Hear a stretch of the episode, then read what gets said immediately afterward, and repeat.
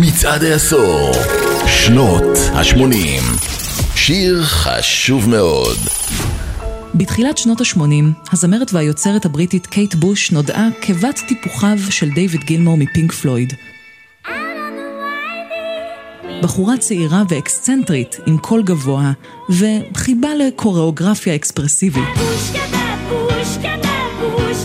היו לה כמה שירים גדולים ברדיו, כמו Wuthering Heights ובבושקה, אבל אחרי אלבום רביעי ללא להיטים, היא בעיקר הייתה שם נרדף לקוריוז מוזיקלי.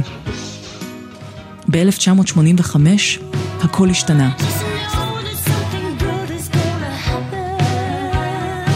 קייט בוש הוציאה את האלבום שנחשב עד היום לטוב ביותר שלה, ואחד מאלבומי המפתח של שנות ה-80.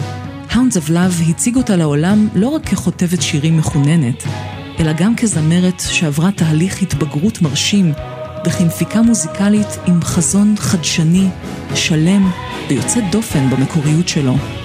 אחד משיאי האלבום, ואולי השיר הכי מזוהה ממנו, הוא שיר על הרצון לעשות עסקה עם אלוהים, כדי שאישה וגבר יוכלו להתחלף במקומות שלהם, ולהבין טוב יותר את חוויית החיים של הצד השני.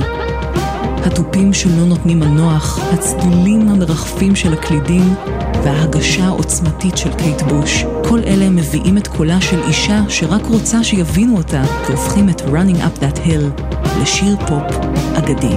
It doesn't hurt